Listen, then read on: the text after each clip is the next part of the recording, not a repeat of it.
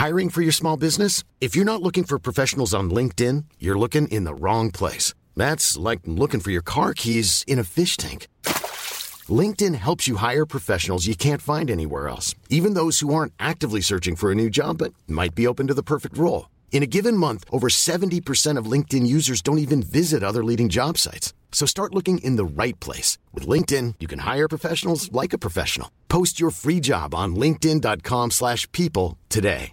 Quality sleep is essential. That's why the Sleep Number Smart Bed is designed for your ever-evolving sleep needs. Need a bed that's firmer or softer on either side? Helps you sleep at a comfortable temperature? Sleep Number Smart Beds let you individualize your comfort so you sleep better together. JD Power ranks Sleep Number number 1 in customer satisfaction with mattresses purchased in-store. And now save 40% on the Sleep Number limited edition Smart Bed for a limited time. For JD Power 2023 award information, visit jdpower.com/awards. Only at Sleep Number stores or sleepnumber.com. Even when we're on a budget, we still deserve nice things. Quince is a place to scoop up stunning high-end goods for 50 to 80% less than similar brands. They have buttery soft cashmere sweaters starting at $50, luxurious Italian leather bags, and so much more. Plus, Quince only works with factories that use safe, ethical, and responsible manufacturing. Get the high-end goods you'll love without the high price tag with Quince. Go to quince.com slash style for free shipping and 365-day returns.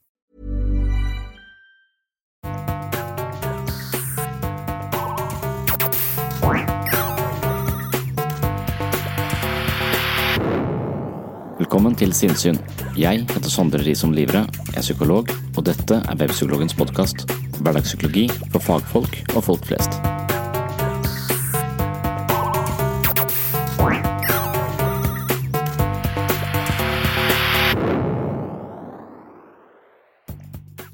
De to hjernehalvdelene, eller sidene av hjernen, venstre og høyre, har litt forskjellige jobber. Men kan den ene siden være dominerende, og påvirker dette personligheten vår? Det er et spørsmål de lærde fortsatt strides om, og jeg tror at svaret er både ja og nei. Noen tror at en person enten er venstre- eller høyredominert, og at dette avgjør måten de tenker og oppfører seg på. Det kan ha en viss betydning, men at det er bestemmende for personligheten er i beste fall en overforenkling av det man i dag vet om hjernens uhyre kompleksitet. Hjernen er utvilsomt et komplekst og hardtarbeidende organ. Den består av så mange som 100 milliarder nevroner, men veier bare 1,4 kilo. Det er et energiintensivt organ som utgjør rundt 2% av vekta vår, men bruker enorme 20% av kroppens energi. Venstre og høyre side av hjernen er forbundet med et stort antall nervefibre. I en sunn hjerne kommuniserer de to sidene med hverandre. Det er ikke sånn at de to sidene alltid kommuniserer like godt, og det viser seg at folk som har opplevd traumer, har en litt dårligere forbindelse mellom høyre og venstre hemisfære, og det finnes også personer som har skader som skiller de to hjernehalvdelene, og da er vedkommende fortsatt i stand til å fungere relativt normalt, men det vil oppstå visse abnormaliteter. Man kan også tenke seg at det kan oppstå en del psykiske plager når det er dårlig kommunikasjon mellom venstre og høyre hjernehalvdel, altså den logiske og mer intuitive delen av vår opplevelsesmodus. De som har kasta seg på den litt mer populariserte hjernehalvdelsvarianten, mener at mennesker skiller seg i graden av dominans hos den ene eller den andre siden. Dette er således bestemmende for deres personlighet, tenkemåte og atferd. Siden vi har mennesker som er høyre- eller venstrehendte, er ideen om den samme forskjellen i hjernen ganske fristende. Det antas at den venstre hjernehalvdelen koder for egenskaper som det å være analytisk, logisk, detaljfokusert, faktaorientert og språkbasert. Den høyre delen av hjernen antas å være mer kreativ, fritenkende, i stand til å se helhet, intuitiv og mer visuell enn verbal. Det er nok noe i disse populære antakelsene, men forskning vil ikke godta såpass grove forenklinger. En studie fra 2013 så på over 1000 bilder av ulike hjerner i aktivitet ved hjelp av en MR-skanner, og resultatet viste at personene i studien bruker begge hjernehalvdelene, og at det ikke ser ut til å være en dominerende side. Imidlertid varierer en persons hjerneaktivitet avhengig av hvilke oppgaver de gjør. Noe som tyder på at det finnes litt mer spesialiserte områder i hjernen, akkurat som en stor fabrikk har ulike avdelinger som jobber med ulike sider av bedriftens produksjon. Hjernen er en fabrikk som produserer våre opplevelser, og disse opplevelsene er såpass intrikate at det krever ulike avdelinger med ulike innspill for å fremskaffe den kompleksiteten som utgjør Homo sapiens. For eksempel viser flere studier at språksentrene i hjernen som regel veier tyngst på venstre side, men høyre side bidrar med følelser og ikke-verbal kommunikasjon. Imidlertid har disse funnene blitt innlemmet i populærkulturen på en måte som overdriver og gjør forståelsen av hjernen unyansert, og derfor har det kommet en del motreaksjoner fra forskere, spesielt retta mot de som mener at personligheten vår best lar seg beskrive ut ifra hvilken hjernehalvdel som er mest dominant. Selv om det blir unyansert å definere folk i en type lateraliseringsdikotomi, er det etter hvert ganske mange studier som viser at de ulike sidene og områdene i hjernen har ulike funksjoner. Følelsene våre er eksempelvis høyre hjernehalvdels domene, både hos mennesker og andre primater. Følelser uttrykkes og gjenkjennes i andre av den høyre hemisfæren. Språket hører til i venstre halvdel. Hos de aller fleste mennesker er de to viktigste språkområdene, kjent som Brukkas og Wernviks eh, område, funnet i venstre del. Tegnspråk hører også til på venstre side. Mennesker som er døve, viser taleaktig hjerneaktivitet når de ser på tegnspråk. Venstre- og høyrehendte bruker venstre og høyre hjerne litt forskjellig, og det er også et viktig poeng. For eksempel bruker en venstrehendt person sin høyre hjerne til manuelle oppgaver og omvendt. Hvorvidt man er venstre- eller høyrehendt er, eh, så vidt man vet, eh, medfødt. Det kan til og med oppdages mens babyen er i livmoren. Noen babyer foretrekker å suge venstre eller høyre tommel så tidlig som 15 uker etter fødsel. De to hjernehalvdelene skiller seg også med hensyn til fokus og prioriteringer. Venstre side av hjernen er mer involvert med oppmerksomhet mot den indre verden, høyre side er mer interessert i å ivareta den ytre verden. Nyere forskning har heller ikke vist eh, store forskjeller på menn og kvinner hva angår lateralisering. Ulike mennesker er også litt uh, ulikt organisert. Akkurat som vi velger å innrede huset vårt litt forskjellig, noen sover i første etasje og ser på TV i loftstua, mens andre har TV og stue i første etasje og sover i andre etasje. På samme måte er hjernen til enkeltindividet litt ulikt disponert. En studie fra 2014 antyder at 99% av høyrehendte individer har språksentrene til venstre i hjernen, men språket er lokalisert til venstre hos 70% av venstrehendte individer. Det vil si at hjernen er litt eh, ulikt koblet for ulike mennesker, og den aktiveres i tråd med hva vi gjør og hvilke oppgaver som skal løses. Dermed er det umulig å si noe helt spesifikt om lateralisering uten mye mer forskning, og sannsynligvis vil svarene vi får fra forskningen bli så kompliserte at populærkulturen umulig kan uttale seg om hjernen med veldig stor grad av treffsikkerhet. Likevel skal jeg våge meg ut på en fritt fabulerende refleksjon over hjernens ulike hemisfærer og hva det vil si for vår fungering som menneske. Kanskje er det deler av hjernen som overdøves på en måte som begrenser oss, Kanskje er det mulig å stimulere deler av hjernen som kommer i skyggen av noe annet. Kanskje er det en type overdreven bruk av logikk som skaper ubalanse for det mer intuitive og spontane osv. Velkommen til en ny episode av Sinnsyn i spenningsfeltet mellom nevropsykologi, meditasjon og psykoterapi. Jeg starter med en av mine favorittfagpersoner, nemlig dr. Daniel Siegel, som er mannen bak begrepet mindsight, som igjen er det begrepet jeg har oversatt til norsk og døpt denne podkasten med, altså sinnssyn. Her snakker Siegel om de ulike hjernehalvdelene og hvordan ulike psykiske utfordringer stammer fra en manglende balanse og kommunikasjon mellom de to hemisfærene. You know, when people are flooded with their feelings, it's definitely an example of chaos. And when people are cut off, it's an example of rigidity. But you also see people are living mostly on the left hemisphere, and they're very cut off from their feelings. They're very logical, linear, and when you really get to know them deeply, they're just literally cut off from the imagery of dreams. They're cut off from the holistic sense of things. They lose context. You know, they can't read nonverbal signals. And that, and you can find these two forms of impaired integration can be very present in a cut-off person's life.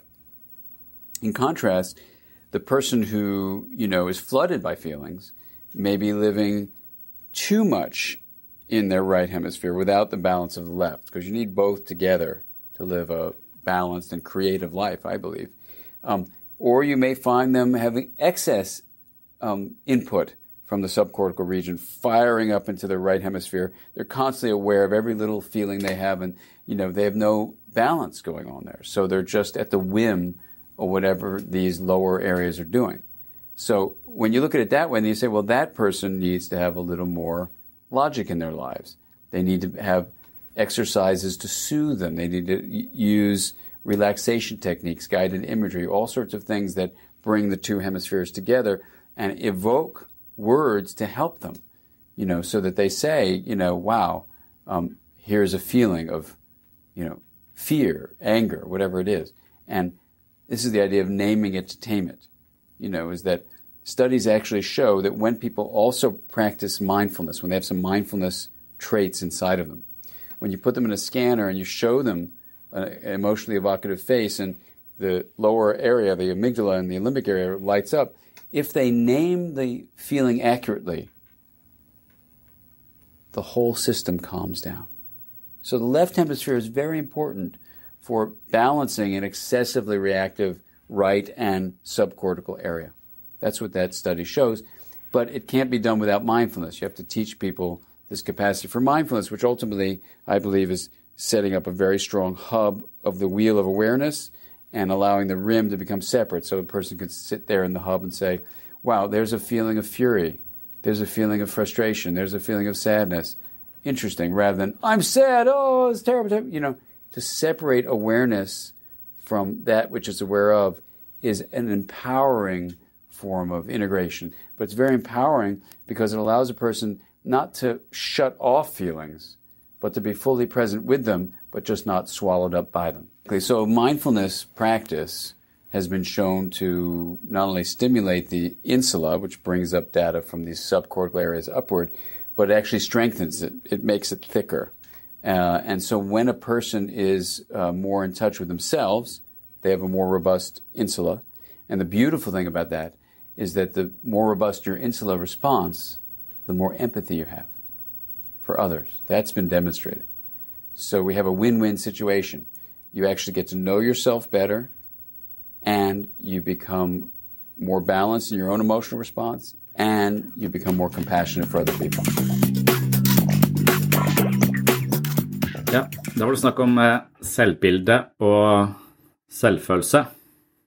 Det er mange måter å snakke om det på. Jeg har begynt å tenke litt på at vi har to hjernehalvdeler også.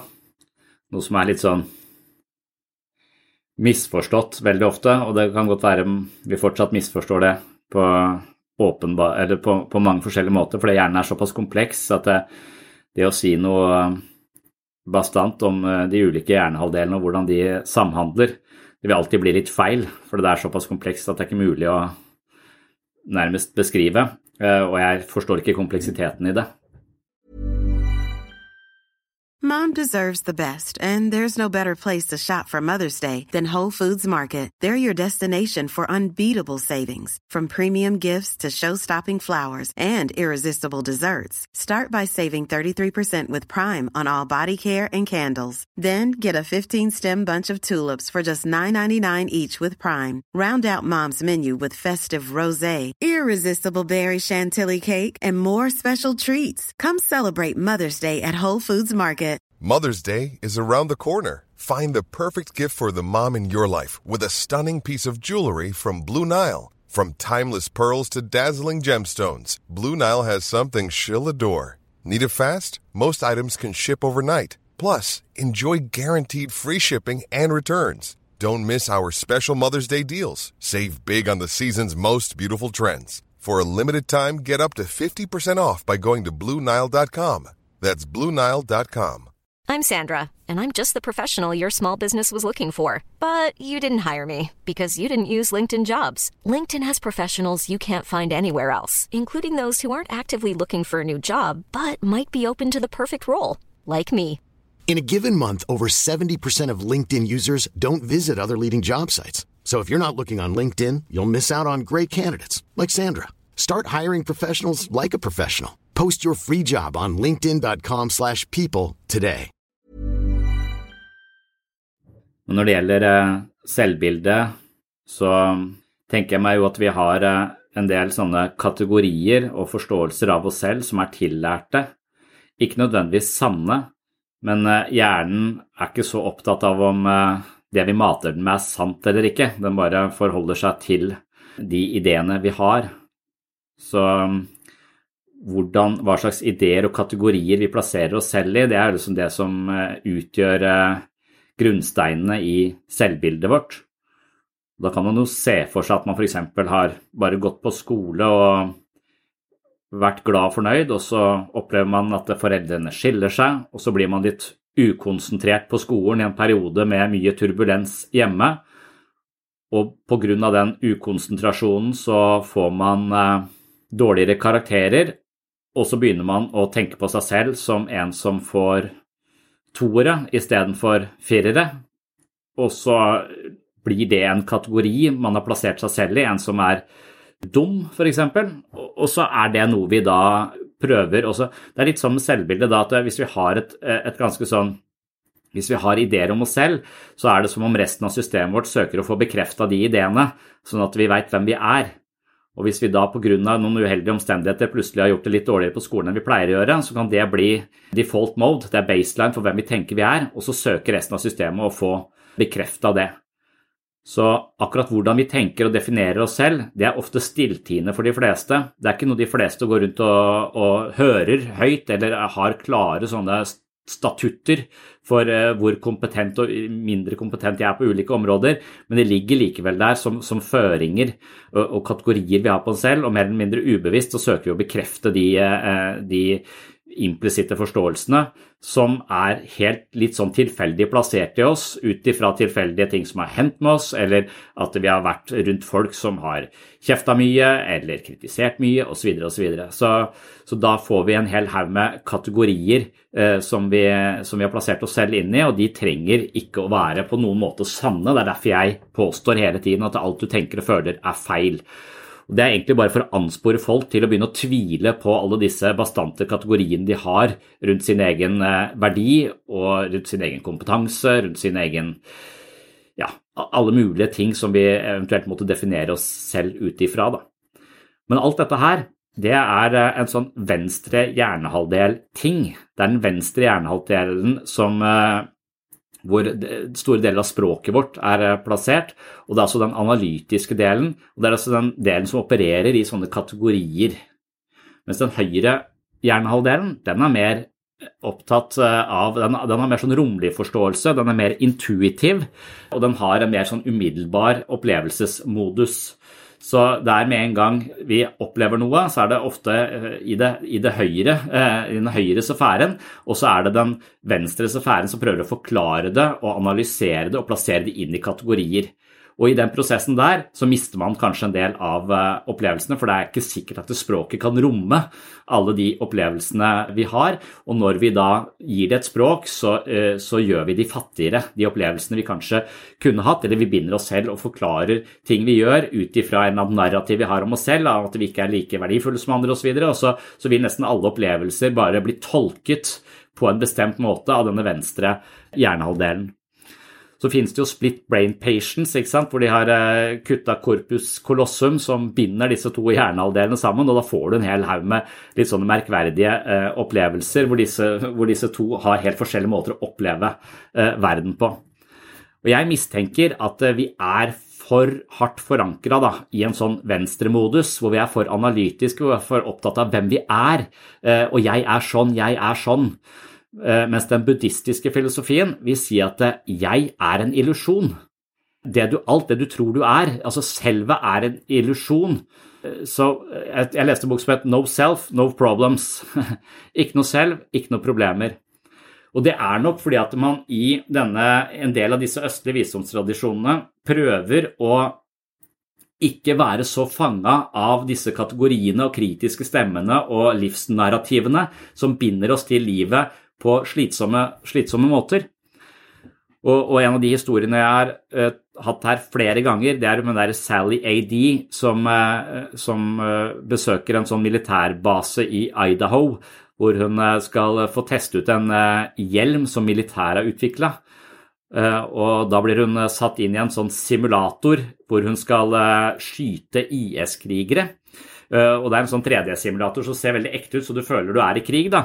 Og så får hun en, en rifle, og så skal bare gå bananas inni denne, i denne simulatoren. Eh, og når hun er der uten den eh, hjelmen deres, så går det til helvete. For hun blir så stressa og tenker nei, dette får jeg ikke til. Og, og, og hun, vet, hun, har glemt hvordan hun skal lade rifla, og til slutt bare legger hun seg ned og kapitulerer. Eh, og blir da drept av IS-soldater, selvfølgelig. Og vil bare komme seg ut derfra.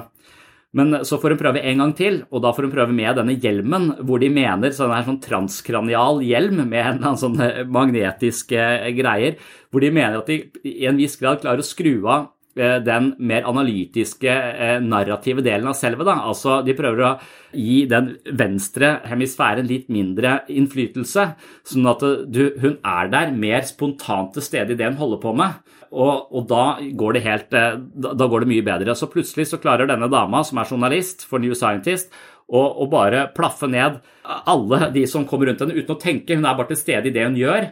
Og når hun da kommer ut etterpå, så spør hun hvordan, hvordan gikk det Eh, jo, du drepte alle. Ja, og så spør de hvor lenge tror du du var der? Nei, kanskje, eh, kanskje et par minutter. Nei, du var der i 20 minutter. Så tida står stille. Begrepet om tid ikke sant? Det, det forsvinner, så du er bare til stede. Og jeg mistenker at det er nettopp det de østlige visdomstradisjonene prøver på i sin praksis med meditasjon. Og veldig ofte så, eh, så blir du, i hvert fall hvis du er nybegynner, så blir du bedt om å fokusere på pusten. For det pusten er noe, eh, ofte noe som man ikke trenger å reflektere over, ikke tenke over, men noe som bare er her og nå. Og så er det heller ikke uvanlig at du ber folk om å tenke på, eller meditere på eh, medfølelse og kjærlighet, for det har sitt tilholdssted i høyre eh, hemisfære. Så er det som om det er en praksis som stimulerer den høyre. Og hvis du klarer å hvile i den, så er du mer til stede, og det er det de hele tiden maser om, vær her og nå. For dette her og nå, hvor du bare er til stede og opplever livet, det vil fort kunne ødelegges av en venstre analytisk del hvis den venstre analytiske delen har en sånn tolkningsmekanisme som ødelegger alt som er vakkert på en eller annen måte. Og det er det mange av oss som har. Og det er der dette operativsystemet vårt som jeg snakker om, er installert. Dette selvbildet vårt det er installert som kategorier på hvem vi tror vi er, eh, basert på hva slags erfaring vi har gjort oss eh, tidligere. Så vi har latt andre mennesker diktere vår egen verdi. Og vi har også latt samfunnet diktere hva vi anser som verdifullt. Karriere, penger, status utseende, whatever som du identifiserer deg og din verdi med. Og det er altså så hardt koda inn i måten vi tenker på, vår analytiske, vestlige måte å være på. Det er lokalisert i den venstre hemisfæren, og den overkjører kanskje hele opplevelsesmodusen vår, så vi går glipp av denne tilstedeværelsen i livet, som er liksom hovedmotivasjonen til disse østlige tradisjonene om å være mer til stede her og nå.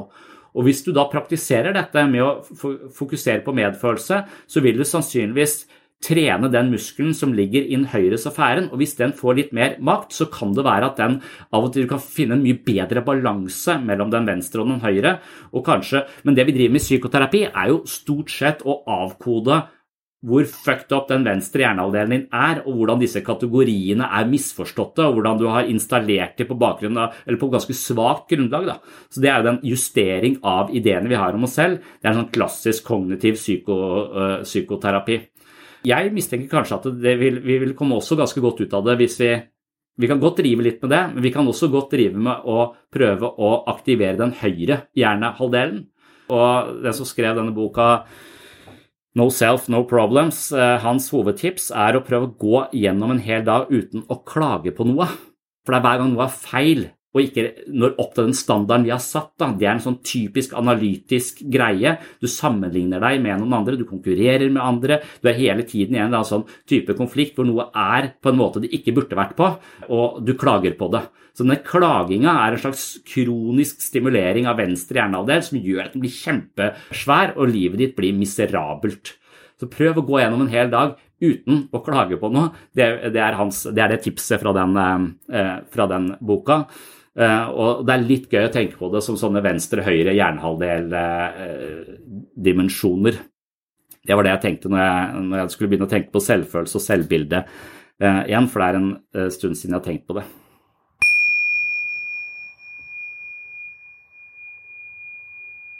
a few months ago, after knowing Eckhart Tolle for a while and studying the books. I woke up and I suddenly got it. I understood suddenly how thought was just an illusory thing. Uh, and how thought is responsible for, if not all, most of the suffering we experience. And then I suddenly felt like I was looking at these thoughts from another perspective. And I wondered, who is it that's aware that I'm thinking? And suddenly I was thrown into this expansive, amazing feeling of freedom from myself, from my problems. I saw that I was bigger than what I do, I was bigger than my body, I was everything and everyone. I was no longer a fragment of the universe, I was the universe. And ever since that day, I've been trying to get back there.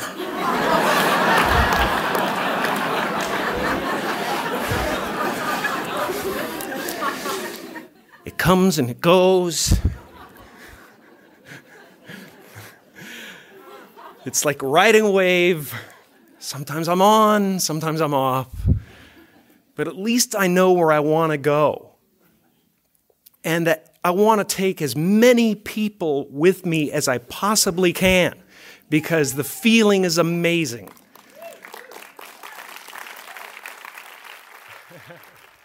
Takk for at du hører på Sinnsyn. Det siste segmentet her etter Jim Carrey, altså den frie fabuleringen, i denne episoden var kun et kort utdrag fra en lengre refleksjonsrunde omkring hjernehalvdeler og deres innvirkning på hvordan vi tenker, føler og handler.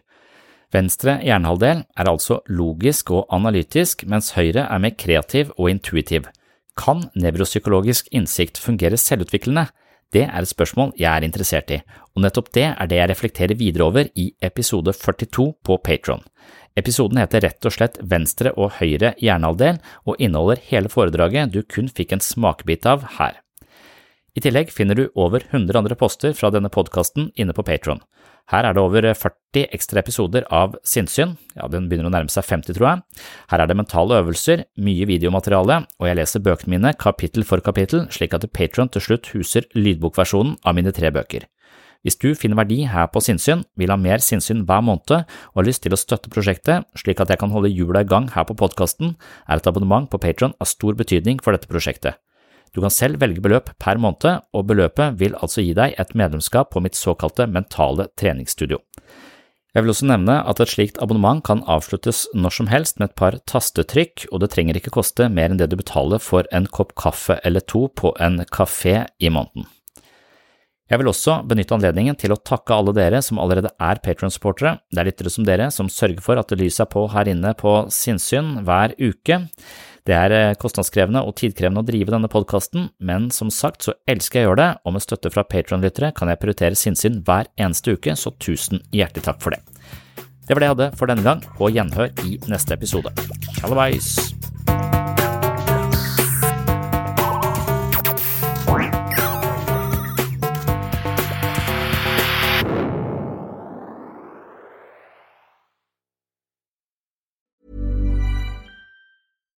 Hi, I'm Daniel, founder of Pretty Litter. Cats and cat owners deserve better than any old fashioned litter. That's why I teamed up with scientists and veterinarians to create Pretty Litter. Its innovative crystal formula has superior odor control and weighs up to 80% less than clay litter. Pretty Litter even monitors health by changing colors to help detect early signs of potential illness. It's the world's smartest kitty litter. Go to prettylitter.com and use code ACAST for 20% off your first order and a free cat toy. Terms and conditions apply. See site for details. Planning for your next trip? Elevate your travel style with Quince. Quince has all the jet setting essentials you'll want for your next getaway, like European linen, premium luggage options, buttery soft Italian leather bags, and so much more. And is all priced at 50 to 80% less than similar brands. Plus, Quince only works with factories that use safe and ethical manufacturing practices. Pack your bags with high-quality essentials you'll be wearing for vacations to come with Quince. Go to quince.com slash pack for free shipping and 365-day returns. Mom deserves the best, and there's no better place to shop for Mother's Day than Whole Foods Market. They're your destination for unbeatable savings, from premium gifts to show-stopping flowers and irresistible desserts. Start by saving 33% with Prime on all body care and candles. Then get a 15-stem bunch of tulips for just $9.99 each with Prime. Round out Mom's menu with festive rosé, irresistible berry chantilly cake, and more special treats. Come celebrate Mother's Day at Whole Foods Market.